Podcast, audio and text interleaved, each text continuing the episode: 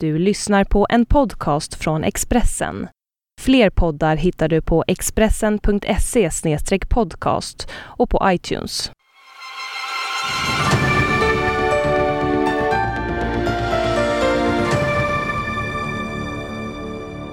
Välkomna till säsongsavslutningen av Pilblad och Svensson, programmet som har koll på de sociala medierna och på våra makthavare. Och vår huvudgäst idag är makthavaren Anna Serner, VD för Svenska Filminstitutet sedan två år tillbaka. Välkommen hit! Tackar! Ja, du var tidigare VD för branschorganisationen Tidningsutgivarna och du har varit VD för Reklamförbundet. Hur viktigt är makt för dig? Jätteviktigt. Utan makt kan man inte påverka. Nej, några som kan påverka men som inte har formell makt egentligen, det är vårt kungahus. Vi kommer i det här programmet också att eh, presentera en ny mätning från Novus. Är de enskilda medlemmarna av kungahuset bra eller dåliga ambassadörer för Sverige? En sak är klar, prinsessa Madeleine som gifter sig på lördag, hon har en rejäl uppförsbacke. Spännande. Innehållet i det här programmet kommenterar ni på Twitter. Använd då hashtaggen TVPS. Ni kan också följa oss på Facebook och via våra personliga Twitterkonton. Och vi börjar förstås som vi brukar med att vi gör en djupdykning i de sociala medierna. Eh, Instagram tar oss till Bommersvik, SSUs legendariska kursgård där Veronica Palm, riksdagsledamot för Socialdemokraterna, har varit. Titta på den här bilden. Här får vi se vad hon gör för någonting. Bildtexten lyder grupparbetar för att gestalta framtidens folkrörelse. Kanske är det så att hon tränar på att måla första maj-plakat. Inte alls omöjligt skulle jag säga. Hon eh, instagrammade inte bara Veronica Palm, hon twittrade också och vi fick veta att eh, möjligen stämmer inte myten om att alla socialdemokrater gillar Bruce Springsteen. Så här skrev hon. Alla paneldeltagare svarar nej på frågan om Springsteen är din stora favorit. Ett viktigt och bra besked enligt Veronica Palm. Det känns ju som att hon inte har några partiledarambitioner längre i varje fall. Uppenbart det. I eh, veckan så gästade jag eh, Niklas program Bar och politik och vid min sida här så hade Anna Maria Corazza Bildt. Här hade jag Marita Ulvskog. Jag satt mitt i en debatt. Ni kan förstå hur det var. Vi har i alla fall tittat i, eh, in på Instagramkontot för Anna Maria Corazza Bildt. Så här glad var hon när hon visade en grupp runt i Europaparlamentet i veckan. Bestsellerförfattaren Camilla Läckberg. Hon instagrammar och twittrar också. Hon träffade i veckan en stor svensk skådespelare, Dolph Lundgren. Hon la ut den här bilden med kommentaren att hon känner sig liten och det kan man ju förstå.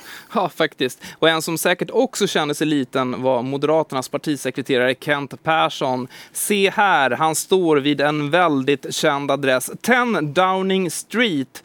Nog är det en lite coolare adress än Mynttorget 1 där han har sitt kontor. Ja, det får man absolut säga. Anna Serner, du twittrar, du bloggar, du finns på Facebook och du har dessutom ett Instagramkonto. Hur viktiga är de sociala medierna för dig? Jag tycker att de är viktiga vet jag egentligen inte. Utifrån. Varför finns du där? Därför att jag tycker det är roligt. Jag tycker det är kul att få kontakt med människor som jag inte har kontakt med annars. Jag använder mina olika konton på olika sätt. Jag eh, är mer urskiljningsfull när jag eh, säger okej okay på Facebook. På Twitter så är man ju liksom ett ett eh, offentligt objekt totalt. På Instagram eh, accepterar jag också mina, de som förfrågar. Så att, eh, jag tycker att det är viktigt. Det är bland annat viktigt att visa när man är makthavare att man finns tillgänglig tycker jag. Så det var väl grunden till att jag började. Och sen när man fick eh, hela tiden feedback så, så gick jag igång. Och där är jag nu. Bra det! Bra. En som faktiskt är aktiv på Facebook det är eh, prinsessan Madeleine. Kanske är det ett sätt också för henne att förbättra sin image. På lördag så gifter hon sig och vi ställde en fråga genom Novus till svenska folket. Vilka i kungahuset är bra respektive dåliga ambassadörer för Sverige? Och en sak är säker, kronprinsessan Victoria är enormt populär. Hon är i en klass för sig i den här mätningen. 82 procent tycker att hon är en bra eller mycket bra ambassadör för Sverige. Faktum är att bara 6 procent av de som har svarat tycker att hon är dålig.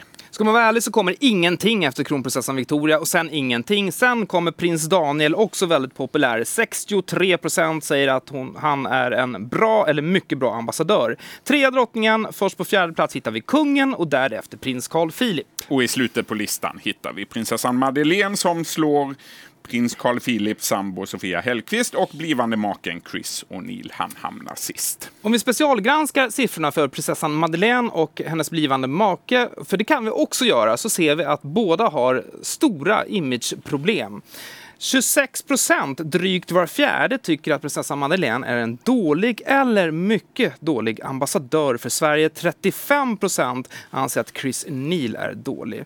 Och det var ju så att Chris O'Neill, han dök inte upp på Nobelfesten. Bör man inte göra det om man ska gifta sig med en svensk prinsessa? Jo, det bör man naturligtvis göra. Det är den viktigaste festen för kungafamiljen på året och det är kanske den viktigaste festen för oss svenskar på hela året.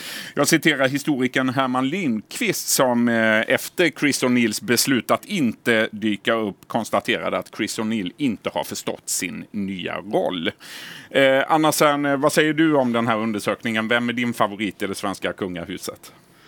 Ja, jag har inte egentligen någon särskild favorit men det är helt uppenbart att eh, varken prinsessa Madeleine eller Carl Philip jobbar ju på att bli någon ambassadör egentligen för Sverige utan de eh, är ju lite i det fördolda. Mm. Och det syns ju här. Det är det man ser i mätningar, ja. Nu är det inte omöjligt att eh, prinsessan Madeleines popularitet ökar i och med bröllopet på lördag. Ett bröllop som jag kommer att bevaka för Expressen TVs räkning och du, Anders, bevakar det för TV4s räkning. Absolut. Mm. Och eh, man kan väl bara sammanfatta det här när hovet, vet, kommer du ihåg när hovet eh, deklarerar att nu skulle de gifta sig? Ja, jag minns det. Eh, eh, man kan väl sammanfatta möjligen eh, detta med ett ord. Eller? Tihi, så här såg det ut. Idag är jag Chris mycket glada över att kunna berätta att vi har förlovat oss. Chris friade till mig i New York i början av oktober och eh, vi är väldigt lyckliga. Madeline and I have known each other for the past two years and I recently summoned up the courage to ask her to marry me. Thankfully, she said yes. I'm also learning a little Swedish. Jag lär mig svenska, men det är svårt. Vi kan även berätta att ett bröllop kommer ske i sommar, vilket vi ser väldigt mycket fram emot.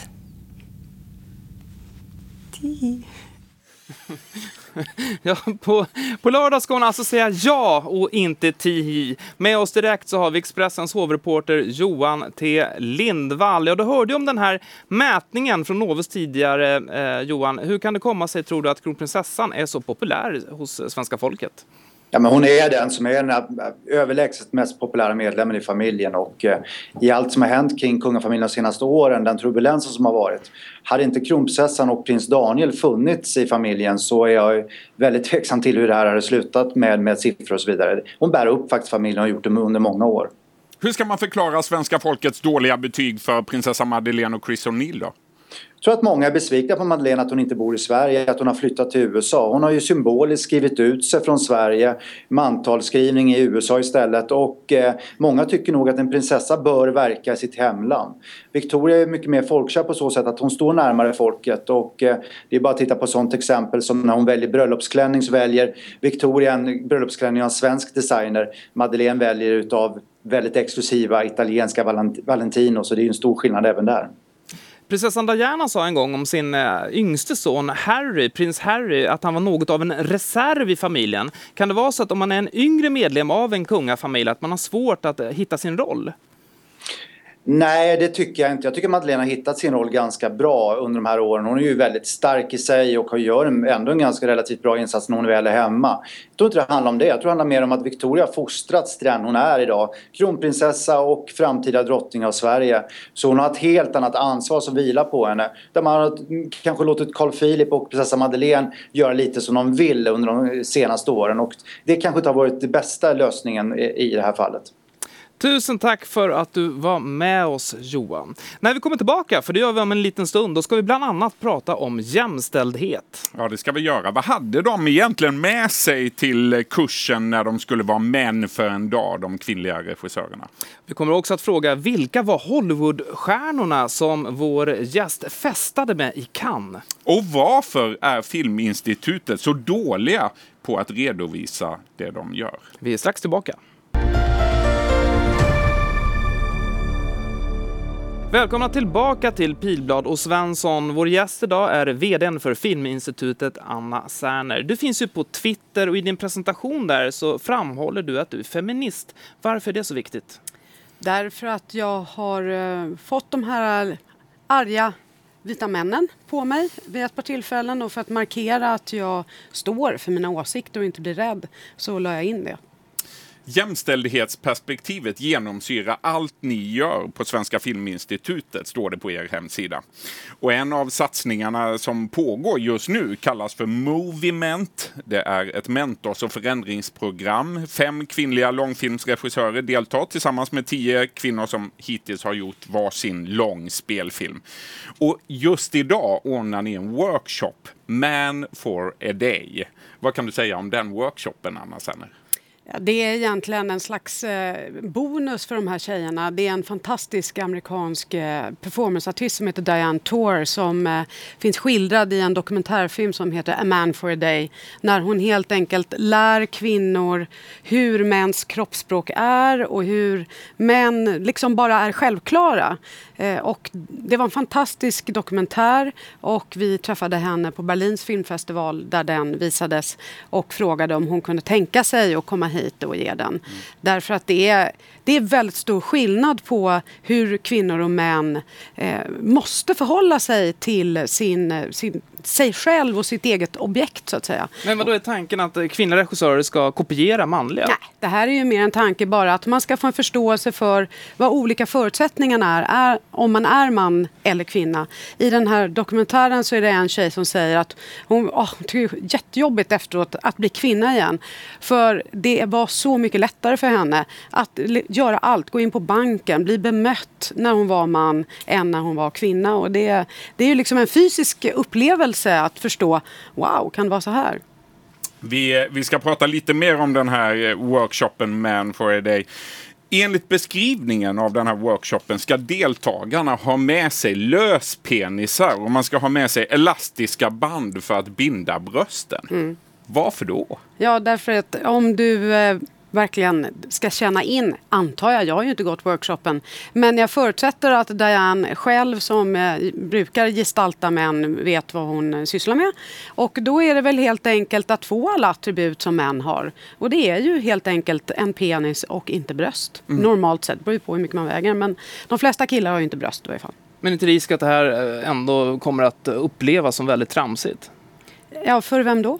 Ja, för de flesta kanske som hör det, att man klär sig, binder sina bröst och, och att man har en ja, löspenis. Ja, då, då, får de väl uppleva det tramsigt. Det är inte för deras skull vi gör det, utan det här är ju någonting som tjejerna som vill vara med är med. Det är inte alla som är med. Eh, till exempel en sån som Helena Bergström har ju spelat män flera gånger så att hon, eh, jag tror inte att hon är med idag men eh, vad är det för regissörer som är med på den här workshopen idag då?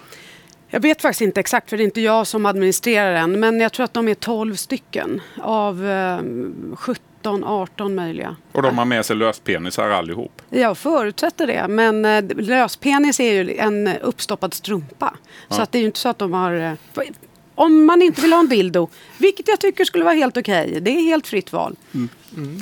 Ja, vi ska vidare. Ja, det ska vi göra. Så här, Helena Bergström, du säger att hon har spelat med andra. Har hon gjort. Jag såg henne i Hamlet ja, en gång. Och det dröjde ungefär en minut in i pjäsen så tänkte man inte på att hon var kvinna. Utan hon, hon, gick in i den här rollen väldigt bra, ska jag säga. Och hon beskrev också själv efteråt att det var jättestor skillnad på hur hon blev behandlad av männen eh, på teatern när hon var man kontra när hon var kvinna. Så att det har betydelse. Du, har haft många sådana här viktiga och tunga positioner i samhället. Du har varit VD för Tidningsutgivarna till exempel. Och vi sitter ju här nu på, på Expressens redaktion och spelar in det här programmet. Hur ser du på utvecklingen för, för dagstidningen och för framtiden?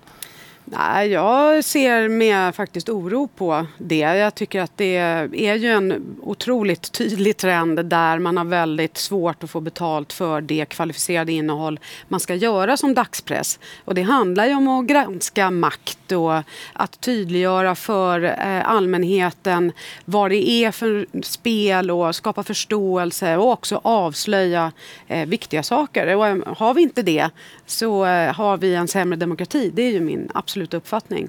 Och vill man inte betala för det så vet inte jag vem som ska betala för det istället. Så att vi kommer ju se ett antal tidningars fall. Mm. Vi sitter nu i en tv-studio där det produceras flera timmar tv varje dag. Våra tittare använder mobilen, läsplattan, datorn. Hur ser egentligen framtiden ut för biofilmen när tekniken förändras så snabbt? Ja, jag tror att just biofilmen har ju sett likadan ut i 30 år och överlevt eh, mycket. Alltså man, och det är ju helt enkelt så att man ser väldigt lite av sin film på bio.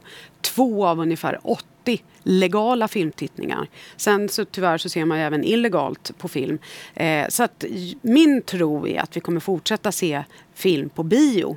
Däremot så är det ju en utmaning hur eh, intäkterna ändå ska komma in. För DVD-försäljningen den faller ungefär lika snabbt som dagspressupplagan. Mm. Den betalda upplagan. Eh, och det betyder ju att eh, det, det kommer saknas pengar för filmproduktion. Och det är naturligtvis väldigt allvarligt. Hur ser lösningen ut då? Ja, jag tror att lösningen ser ut så att man måste få många fler enkla, fullständiga betalningsmodeller på nätet så att man verkligen kan välja färsk, eh, ny, det senaste film på nätet. Eh, och det kommer i viss mån konkurrera med biofönstret. Och det kan också i viss mån slå ännu hårdare. Men jag tror inte man har något val, man måste liksom pröva den vägen. Abonnerar du själv på sådana här tjänster som Netflix till exempel? Eh, faktum är att jag har precis flyttat så att jag har tappat bort det där. Eh, men nu ska jag sätta igång det igen. Om man tittar på topplistan, den senaste topplistan, eh, så är det väldigt mycket amerikanska filmer mm. på den svenska topplistan. Eh, den toppas då av eh, Baksmällan 3, är det en bra film? Jag har inte hunnit se den än. Har du sett någon av de här filmerna? Det ja, baks... Nej, det vet jag inte förresten. Ja, förlåt. På, på listan då? Jag kan inte listan utan ja, till, för det är olika varje vecka. Den första svenska filmen har vi på tolfte plats. Ja, och vilken är det nu? Alfons Åberg. Alfons Åberg har jag faktiskt sett delar av. Det är en eh. film som är 30 13 år gammal. Ja, Vad säger men, du om det? Det är ja, den första svenska filmen på biotoppen. Ja, men det beror ju också på att eh, det är alltid så att svensk film har mest lansering på hösten och det är då man vill lansera sig. Så vi ser jättefina premiärer efter sommaren. Vi har haft premiärer före sommaren. Det har varit filmer som inte har fått en bred biograflansering och då når alltså, de inte. Talat, är inte det här ett underbetyg för svensk film? På tolfte plats Alfons Åberg. Som är 35 år. Ja. Jo, men naturligtvis ska, borde svensk film eh, ha fler på 10 topplistan. Det råder ingen tvekan om. Mm. Det, är det, det är därför jag vill ha makt så jag kan försöka påverka det. Ja. Du Anna, sen förra veckan kom eh, Statskontoret med en rapport om hur Svenska Filminstitutet fungerar. Verksamheten måste effektiviseras och utvecklas, konstaterade man indirekt kritik mot ditt sätt att leda Filminstitutet. Vad svarar du dem? Ja, det är ju också ett indirekt sätt att eh, se på hur vi har varit organiserade under lång tid och att mm. de påpekar att det har blivit bättre. Vi har professionaliserats och öppnats upp de senare åren. Men du har varit VD i snart två år. Jag har varit VD i ja, ett och ett halvt år, mm. lite drygt. Men eh, jag jobb, de, de punkter som de kritiserar, nämligen hur vi har redovisat, är punkter som jag själv har identifierat tillsammans med ledningsgruppen. Så vi har vi började förra året, vilket var mitt första år, att redovisa med ett jättearbete och vi har kommit en bit på väg. Men vi, vi kan absolut bli bättre på det. Film, det är ju ändå rätt mycket glitter och glamour. Och du avslöjade oss eh, för oss här nu innan vi började spela in att när Tom Cruise var här så, så hade du chansen att prata med honom, men du gjorde inte det. Nej. Varför inte det? Nej, men det Varför fin... nobbade du Tom Cruise? ja, jag kan säga att om jag vet inte hur länge jag hade fått stå i kö för att bli den förärade att komma i närheten av honom. Jag tycker den där typen av eh, liksom, kändisfixering eller att det blir så upphåsat eh, är lite kränkande. Så att, men det är väl hela filmen, det är det du går ut på Hollywood, att det är de här stjärnorna? Ja, men det är underbart. Men jag behöver inte vänta i flera timmar för att säga hej till Tom Cruise. Har du fått vänta flera timmar? Ja, det tror jag.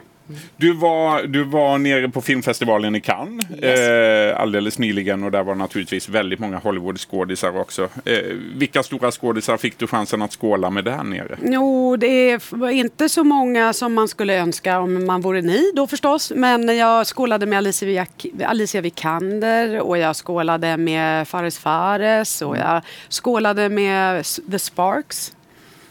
Så att, eh, ja, det jag... var väl inte så illa? Nej, Nej. härligt att ni också, att jag får godkänt på det. alltså, du, du eh, har jobbat både med journalister och med skådespelare. Ja. De här yrkeskategorierna de är kända för att det finns rätt många jobbiga människor. Vilka är jobbigast, skådespelare eller journalister?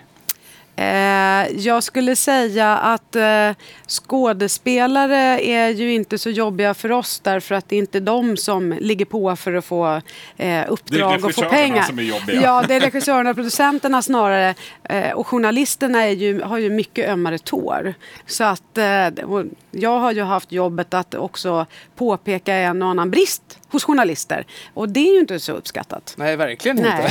Nej. Jag håller i ett guldkuvert här. Jag får känslan av att det är lite Guldbagge, lite Oscarsutdelning. Det är det ju inte. Vi har ju avslutat nämligen varje program med att ge vår gäst en fråga som man inte får svara på utan man lägger svaret i ett kuvert. Men eftersom det är säsongsavslutning så slipper du det. Däremot så ska vi titta vad Alexander Bard svarade på en väldigt spännande fråga förra Ja, han var här förra veckan och han fick ska ju- eh, frågan eh, om vilket väder vi kommer att ha när Stockholm Marathon går av stapeln i Stockholm.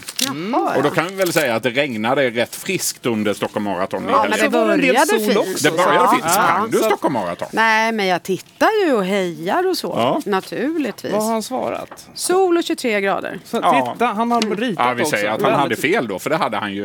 Det var Ja, det inledde så, tycker Det jag. inledde så. Jag Okej tycker då. att han får godkänt, ja.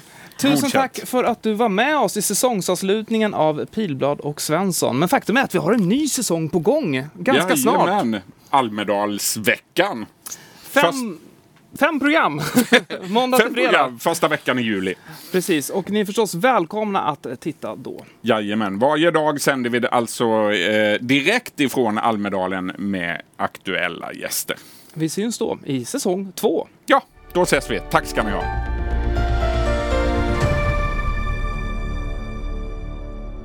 Du har lyssnat på en podcast från Expressen. Ansvarig utgivare är Thomas Mattsson. Fler poddar hittar du på expressen.se podcast och på iTunes.